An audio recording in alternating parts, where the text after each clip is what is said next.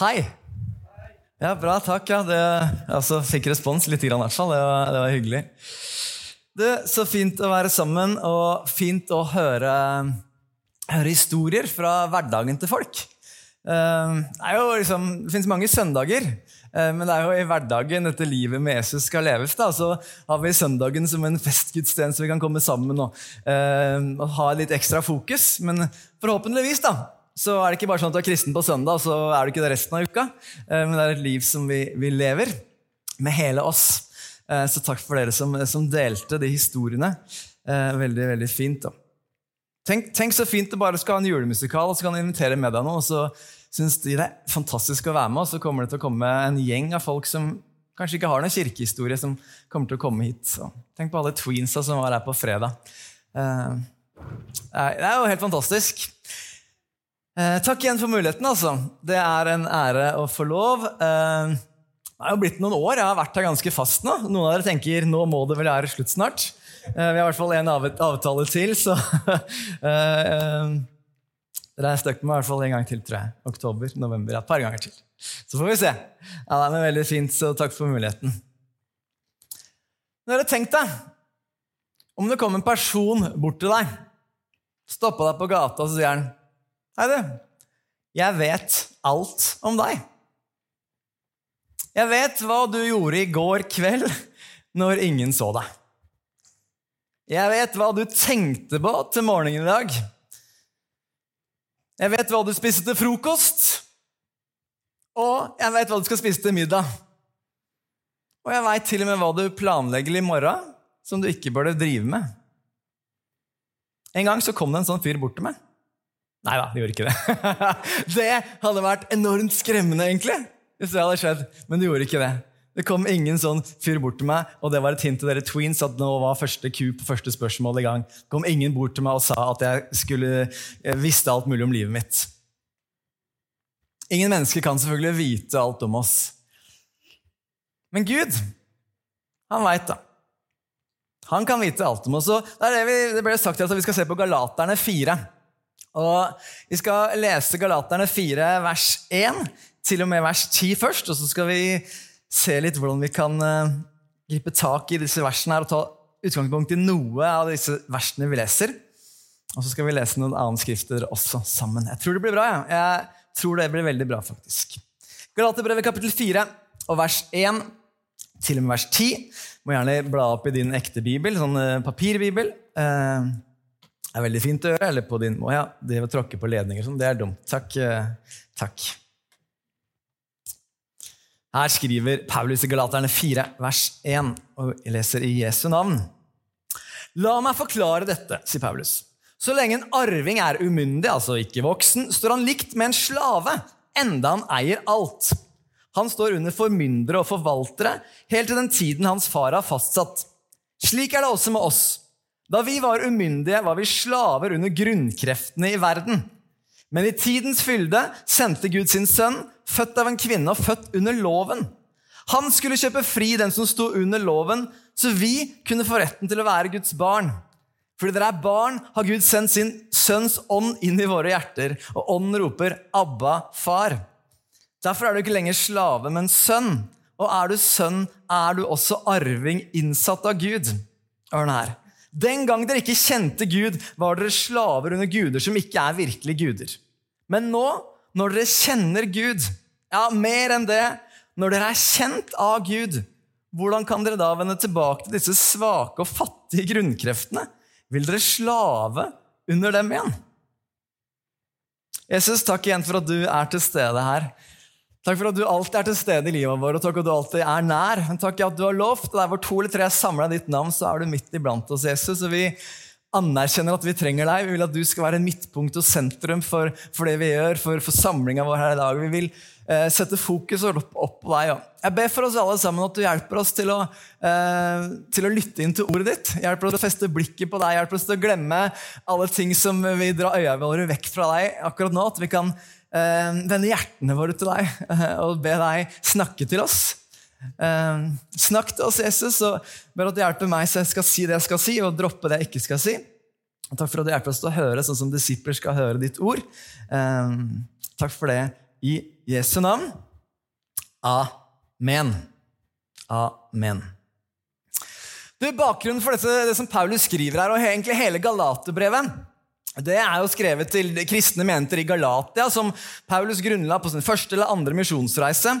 Eh, og Paulus han hadde reist rundt og forkynt evangeliet, og overalt hvor Paulus forkynte evangeliet, eh, så sa han at evangeliet er troen på Jesus som frelser, og ikke gjerninger.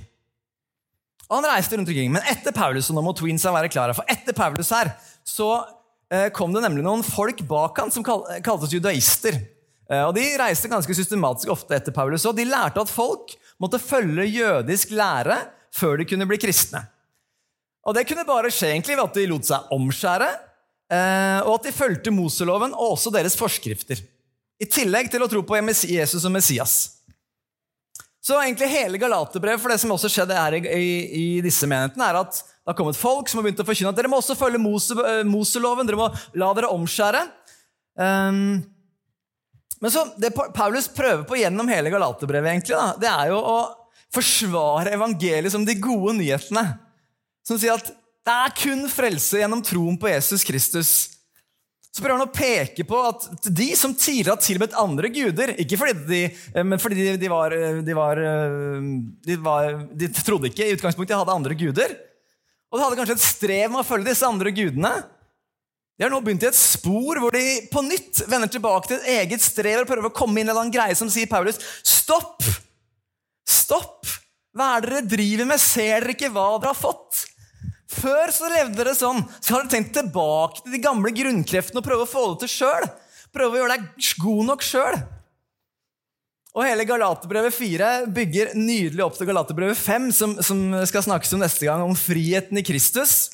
Eh, men jeg håper at vi gjennom det vi skal se på i dag, skal se at det bygger oss enormt opp til at det er så enormt frihet i det å kjenne Jesus. Eh, og det håper jeg vi skal lage et bra grunnlag for.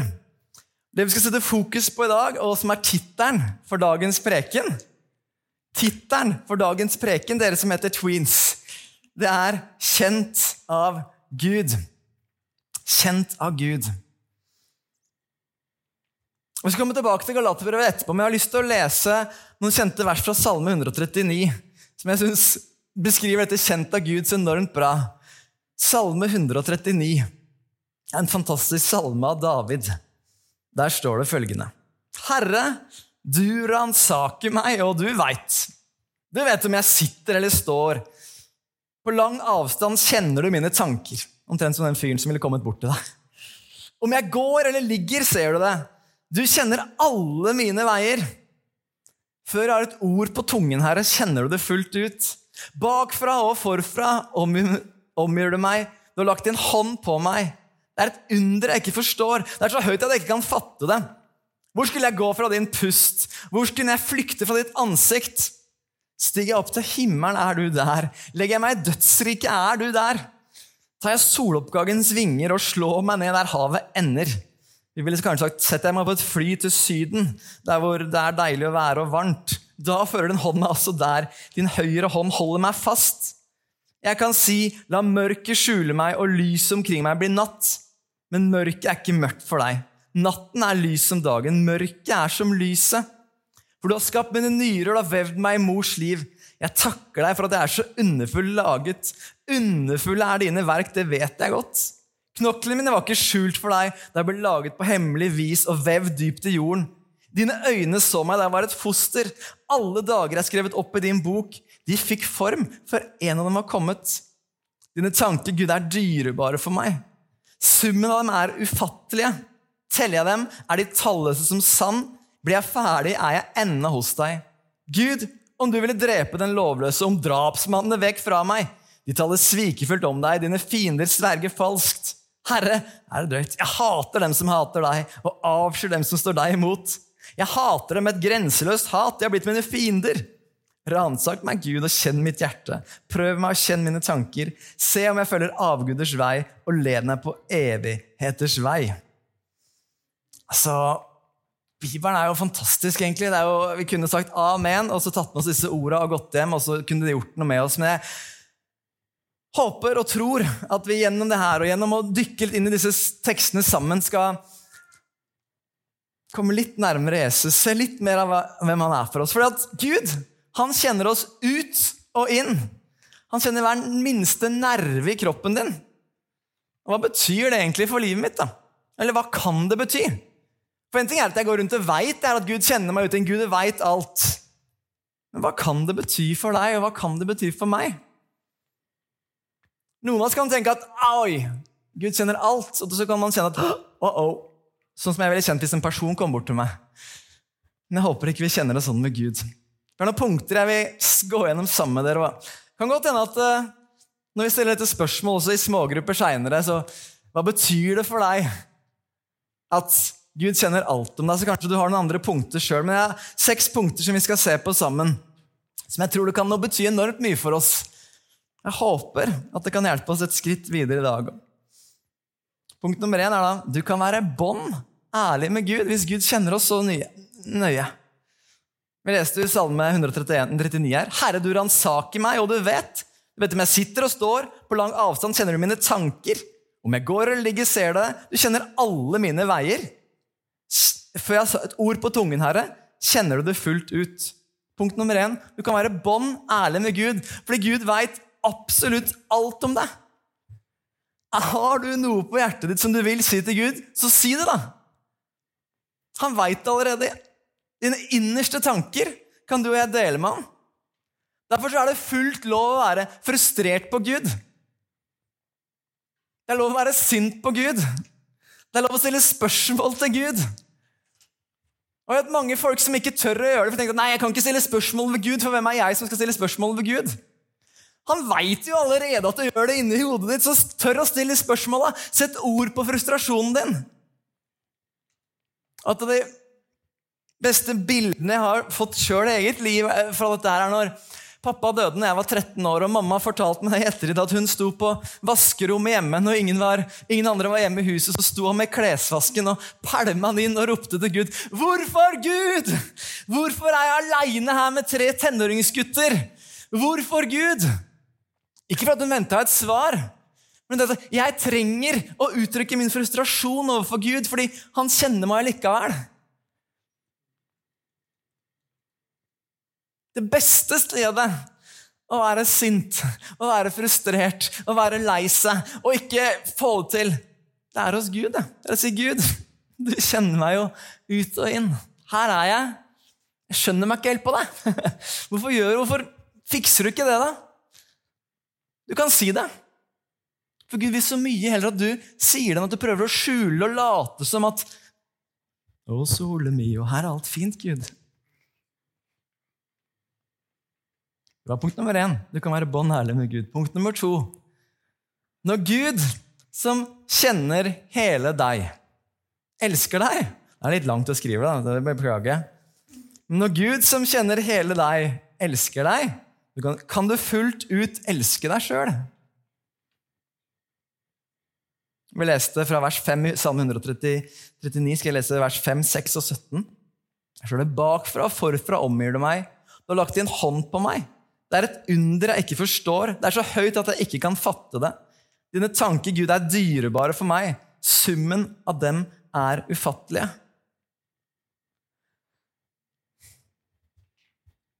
Møter innimellom folk som syns det er vanskelig å elske seg sjøl, for de syns de ikke får til ting. Syns de ikke strekker til, ikke får til det å kristenlive ordentlig, eller får til å være pappa ordentlig, eller mamma ordentlig, eller, eller elev ordentlig, eller ikke får til ting ordentlig. Hvordan kan jeg elske meg? Men da Gud, som kjenner hele deg, hver fiber av kroppen din, han elsker deg. Han vil at du skal også elske deg sjøl, sette pris på deg sjøl. Dine tanker, Gud, er dyrebare for meg. Summen av dem er ufattelige. Så når Gud, som kjenner hele deg, elsker deg, så kan du fullt ut elske deg sjøl. Punkt nummer tre. Gud som kjenner deg, vet hvor du trenger lys.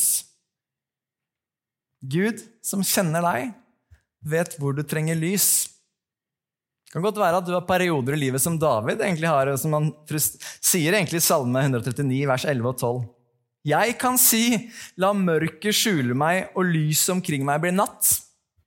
Hender at vi får sånne perioder i livet At vi føler at ah, kan ikke bare lyset forsvinne, jeg trenger å være mørkt. Jeg orker ikke å forholde meg til verden. Det er for mye greier. Det er greit å være ærlig i kirken nå, ikke sant? For mye greier. Det er så deilig at Bibelen også uttrykker det. La mørket skjule meg, og lyset omkring meg blir natt. Så sier David men mørket er ikke, lyst, er, er ikke mørkt for deg. Natten er lys som dagen. Mørket er som lyset. Vi kan tørre å si til Gud, 'Gud, du kjenner meg. Du kjenner mørket jeg er i.' Men mørket er ikke mørkt for deg, Gud. Natten er lys som dagen. Kanskje vi skal tørre å uttrykke det for Gud. Det er litt mørkt om dagen. Jeg trenger ditt lys inn i livet mitt. Jeg trenger at du kommer med ditt lys der hvor du, bare du kan lyse, for jeg ser ikke noe lys sjøl. Men Gud som kjenner deg, veit hvor du trenger lys. Punkt nummer fire. Du trenger ikke å gjøre deg til foran Gud. Du trenger ikke å gjøre deg til foran Gud. Gud kjenner hver eneste fiber av kroppen din. Han kjenner alt om deg. Så trenger ikke du å kle på deg masse greier for å tenke at er jeg bra nok nå? Gjorde jeg det riktig nå, Gud? Ser jeg fint nok ut nå, Gud? Er dette ordentlig måte å gjøre det på? Er dette bra nok? Mange av dere vet at jeg elsker å bruke dette eksempelet om at du skal ikke sitte så lenge i sola før du kanskje begynner å få litt brunfarge på kroppen eller i ansiktet ditt. Men du også vet at hvis du setter deg ute i sola fullt av klær, så er det kanskje ansiktet du er litt brunt på, men hvis du dekker til alt det andre, så blir du ikke så brun der. Det det beste vi kan tørre å gjøre når vi skal gå foran Gud, er å ikke dekke oss til, ikke prøve å skjule oss til eller vise, ha på en maske når vi er foran Gud og sier, 'Gud, dette er meg'. Her er hele meg. Jeg vil ta av de maskene. Jeg vil ikke prøve å late som jeg er noe jeg ikke er. Men dette er meg, Gud. Her har du meg. Så kan vi sitte der i hans lys si at her, du kjenner meg, Gud. Så trenger jeg deg. Og i hans lys så kan vi lov til å være når vi er, tør å være nakne da, foran Gud. Tør å si ah, dette, er, dette, er det, dette er det jeg sliter med, Gud. Dette er problemet. Her er jeg. Kan du sette ditt lys på livet mitt? Så tror jeg ikke vi kan unngå å bli mer lik han. Han lengter han etter et sånt fellesskap med deg og meg, hvor vi ikke gjør oss til, men vi sier 'Her er jeg, Gud'. Han lengter etter at du snakker til ham. Punkt nummer fem er et kort punkt her, for det hører til nummer seks, egentlig, men du kan få lov til å bare være. I Guds nærhet kan du, fordi du er kjent av Han, få lov til å bare være. Er en fyr som har tro på at man skal engasjere seg i kirken sin. Dele gjelder å være delaktig. Og det, det, tror jeg virkelig på at det er viktig og det er bra for alle å gjøre. Eh, anbefaler deg å gjøre det. Anbefaler deg å finne, en rolle i Guds hus hvor du får lov til å være med og, og bidra. Men du, du og jeg trenger jo ikke det. Det er jo ikke sånn at vi må gjøre oss fortjent til noe. Vi kan få lov til å bare være foran Gud og si 'Herregud, her er jeg'. Så veit jeg da for egen del at det beste utgangspunktet mitt for å være med og tjene i Guds hus, det er for at jeg fikk starte med å være. For jeg får lov til å sette meg ned ved hans føtter 'Her er jeg, Jesus'. Og så kan jeg gi ut av det overskuddet jeg får fordi at jeg har satt meg ned der i hans lys. For jeg har sittet der og sagt 'Her er jeg, Gud. Jeg trenger din kraft. Jeg trenger din styrke.' Ikke fordi at jeg får det til sjøl, men fordi her er jeg. Og dermed da, så har jeg innmari lyst til å være med og gi noe videre. Punkt nummer seks er han vet hvor du trenger å justere kursen i livet. Han vet hvor du trenger å justere kursen i livet. David skriver i vers 23 i Salme 139.: Ransak meg, Herr Gud, og kjenn mitt hjerte. Prøv meg og kjenn mine tanker. Se om jeg følger avguders vei, og led meg på evighetens vei. Du er kjent av Gud, og når jeg er kjent av Gud Han kjenner jo hver fiber i kroppen min. Så veit han også veldig godt hvor jeg trenger å justere kursen min. Trenger jeg det, da? Er ikke evangeliet bare, liksom, er ikke det gratis? da? Jo da, det vi leste om, det kommer tilbake til det. Men likevel så trenger vi å justere kursen vår. Vi trenger å sørge for å feste blikket vårt på Han. Og tørre å si, 'Gud, Se om jeg følger avguders vei, og led meg på evigheters vei. Så vi skal tørre å stille det spørsmålet til Gud. Så Gud, led meg, så jeg kan justere kursen etter ditt hjerte, etter hva du har for livet mitt. Jeg tror vi aldri taper på å sette Gud først i livet vårt og lytte til hva han har for oss i den sesongen vi er i. Hva har du for livet mitt, Gud? Hvilke valg bør jeg gjøre nå? Hvilke skole skal jeg søke på? Hvilken jobb skal jeg ta? Hvor vil du ha meg? Folkens, Galaterbrevet, kapittel 4. Når Paulus snakker om hele det her, hvordan, hvordan evangeliet er, og hele Galaterbrevet er et forsvarsskrift for evangeliet, så leder jo egentlig det til Galaterbrevet 5.1, som vi skal snakke om neste søndag. Men det ender i frihet. For det er frihet å vite at Gud kjenner deg ut og inn. Det er frihet i å vite at han veit om alt om oss, og likevel elsker oss. For det gjør at når vi kommer fram for ham, så trenger vi ikke å late som. Kan hende at du må late som på jobben noen ganger. Det kan hende du må late som for ungen din noen ganger. Men folkens, kan vi ikke prøve, da? Legge fra oss det late som-greiene og si Gud, her er. Jeg får ikke alltid til, det. Det er der vi må ha utgangspunkt for, for det er der vi begynner å få det til. Når vi tør å være nakne for Gud. Problemet, menneskehetens problem, tilbake til skapelsesberetningen Hva er det Adam og Eva gjør når de skjønner at de har gjort noe gærent? De skjuler seg for Gud. De prøver å skjule seg. og liksom, å filler'n, nå ser Gud oss. Men hva er det som, fordi at når vi skjuler oss for Gud, så er det en handling som sier at jeg skal få det til sjøl, jeg, Gud. Jeg dreit meg ut, men nå skal jeg få det til sjøl. Nå skal jeg bare ta meg sammen. Men det er en enorm frihet i at Gud kjenner deg helt og holdent. Så du trenger ikke lenger å ta deg sammen. Du trenger ikke å skjule deg for Gud. Du kan komme fram for ham. En kar jeg kjenner som kom til meg for ganske mange år siden. Han eh, hadde driti seg ordentlig ut. Hadde gjort noe som var dumt, som, som uh, var dumt i menneskers øyne og det er dumt i Guds øyne. Og han angra innmari og bare ah, 'Arild, hva er det jeg gjort? liksom? Hvordan går dette an?' Og så sier han følgende at 'Jeg veit jo at andre gjør sånne dumme ting, men at jeg skulle gjøre det', da! Tenk at jeg skulle gjøre dumme ting! Han dro rundt på det. Tenk at jeg trodde aldri jeg skulle gjøre noen sånne dumme ting. Og så, til å sitte og lytte hans, så sier jeg Hører du hvor selvrettferdig du er? Hører du at du trodde at du fortjente evangeliet? Hører du at du trodde at du skulle få det til sjøl? Ikke rettferdig det han hadde gjort. Han ble fryktelig egentlig selvrettferdig. Og jeg tror at Når vi begynner å bli selvrettferdige, så er det innmari lett at vi begynner å rote oss bort i ting, for vi tror vi skal få det til uten Gud. Vi skal få det til ved å ta sammen, få det til å opptre innmari bra. Men han kjenner oss. Allikevel så elsker han oss, elsker hver fiber av kroppen vår. Og så aksepterer han oss. Men nettopp derfor også så vil han ikke la oss fortsette å surre rundt i en søle hvis du har rota det ut i en søle. Han vil hjelpe deg videre sammen med han. Du kan si, 'Vet du hva, Gud? Her er jeg. Hjelp meg.' Jeg tror når vi oppdager Uff, oppdager det her at Gud han elsker oss allikevel, så kan det være en enorm frihet som vi kommer til Galaterbrevet 5 neste uke formiddagen, har jeg hørt, så da kanskje du må dobbeltdippe neste søndag klokka 11 og klokka 17 for å få begge budskapene. For det er åndens frukt tror klokka 17. Er ikke det riktig? Sto her på skjermen i stad. Eh, men folkens, dukk inn i dette.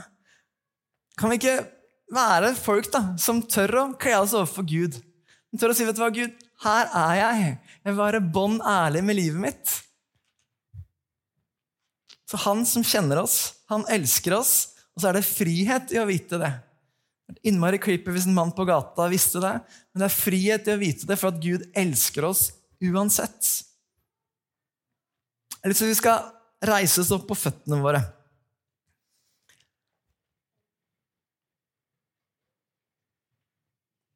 Så kunne vi komme til mange andre punkter, hva det betyr for livet vårt at Gud kjenner oss. og Vi kunne dukka mer inn i Galaterbrevet 4 og, og sett på at vi er sønner. Hva det betyr det å være sønn av Gud?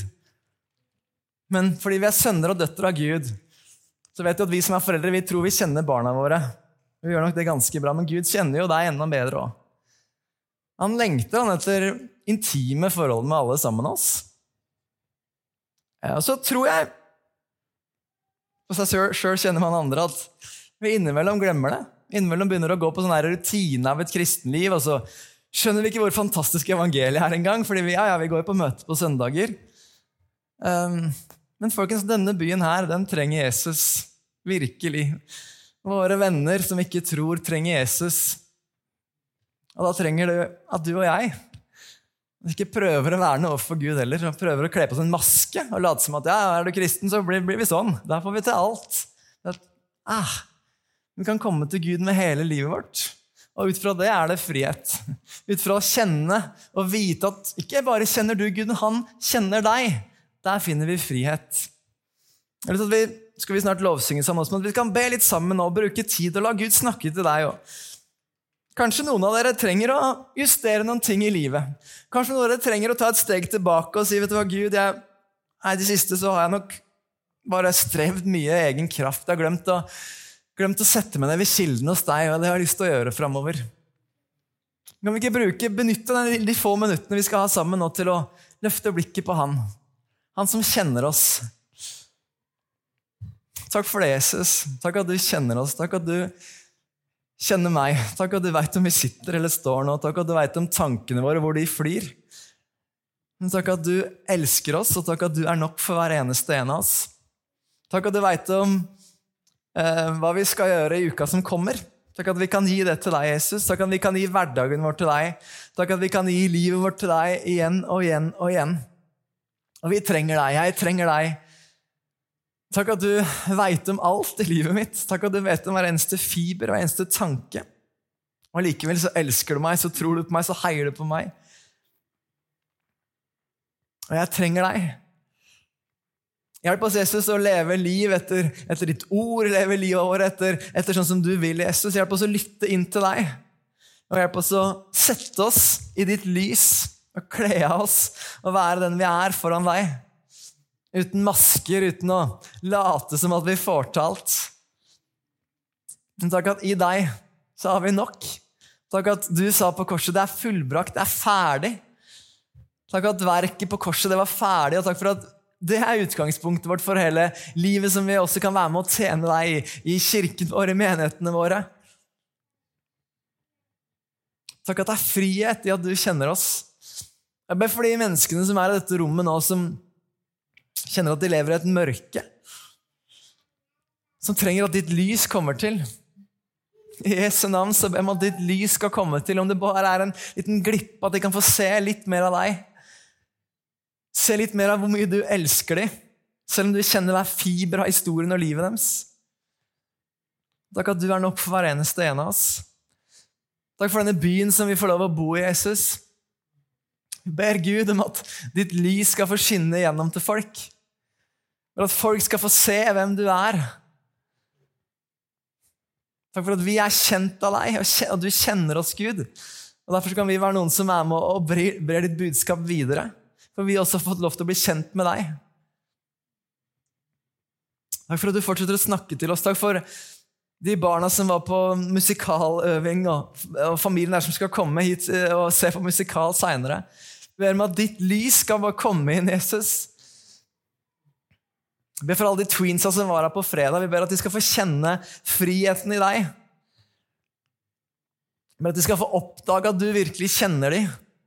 Vi ber, at, ber for alle oss som har kjent deg lenge, at vi skal være ambassadører som, som vi, tar med deg til folk rundt oss. Hjelp oss å alltid sørge for å holde hjertet vårt tett til deg, Jesus.